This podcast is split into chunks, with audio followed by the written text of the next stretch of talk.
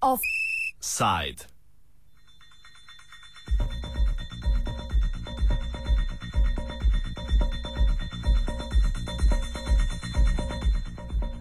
Offside posvečamo sedmemu členu Ustave Republike Slovenije in spoštovanju letega.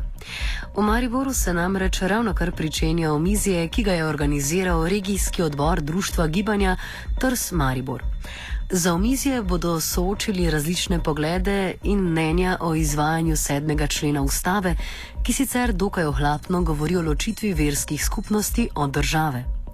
Poleg tega se bo razumljivo govorilo tudi o rimokatoliški cerkvi kot državni religiji, o državnem financiranju cerkve v času krize ter o financiranju verskih skupnosti preko cerkvenega davka.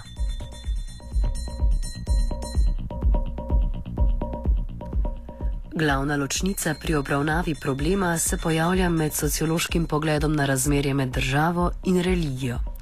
Svoje mnenje o problemu nam je podal sociolog Andrej Fištravec, ki bo tudi govoril na javnem tribunalu. Če govorimo o delitvi, delitvi cer, prostora, crkve in države, potem je tu veliko krat se, mišlja, se razmišlja o delitvi rimokatoliške crkve pa države, čeprav v osnovi ne gre samo za to, problem pa je v veliki meri v tem, ker je rimokatoliška crkva uh, religiozna organizacija, ko rečemo crkva, poseben tip religiozne organizacije, ki predpostavlja svojo univerzalnost in v bistvu v logiki organizacije same ne prepoznava te delitve med crkvijo in državo. Uh, druge religiozne organizacije, recimo denominacije, sekte, nimajo s tem problema, ker ne razumejo same sebe kot univerzalnega predstavnika ali pa organizacija, ki bi univerzalno pokrivala celoten družben prostor.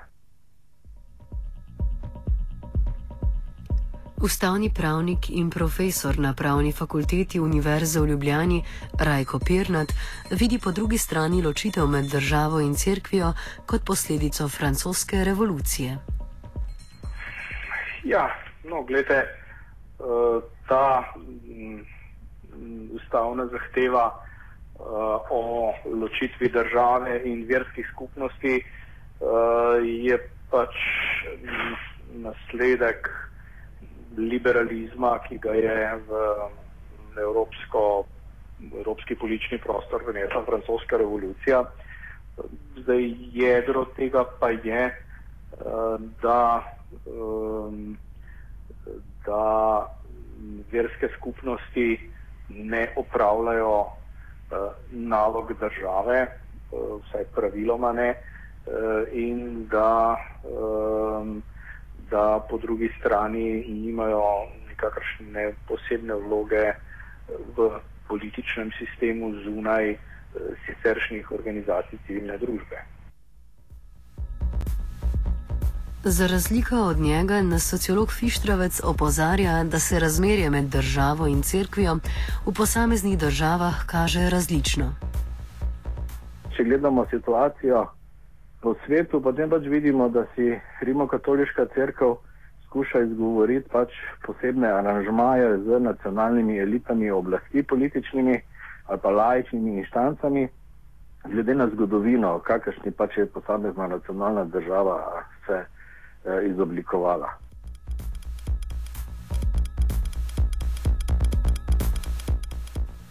Prav tako je razložil, da je stopnja sekularizacije različna, oziroma da se crkev udeležuje na različnih področjih javnega, ter da posamezne veroizpovedi različno pristopajo k razmerju. Ja, tudi tu stvar ni tako simpel, kot je na prvi pogled, nekaj bi lahko s tem, uh, bi rekli, sekularizacijo, uh, to pač to opisali. Recimo v močno sekularizirani, recimo ali pa laični francoski družbi, ima recimo na področju šolstva katoliško šolstvo zelo pomembno emancipatorično vlogo in tudi javnost na tak način prepoznava katoliško šolstvo. Um, in uh, tako da funkcija potem posameznih segmentov, bi rekel, katoliških inštitucij, inštitucij v posameznih državah uh, se potem s časoma izoblikuje v različnih smerih. Ne? Tako da je to, je to je en problem. Drugi problem, drugi problem je pač ta, ne, da uh, religiozne organizacije tipe crkve, kot je Rimokatoliška crkva, pač imajo v izhodišču drugačen odnos do, tudi do sekularizacije kot druge religiozne institucije, recimo denominacije, kar so praviloma protestantske, ni na štajerskem oziroma na slovenskem bi rekli crkve, ne? čeprav niso iz sociološko to crkve.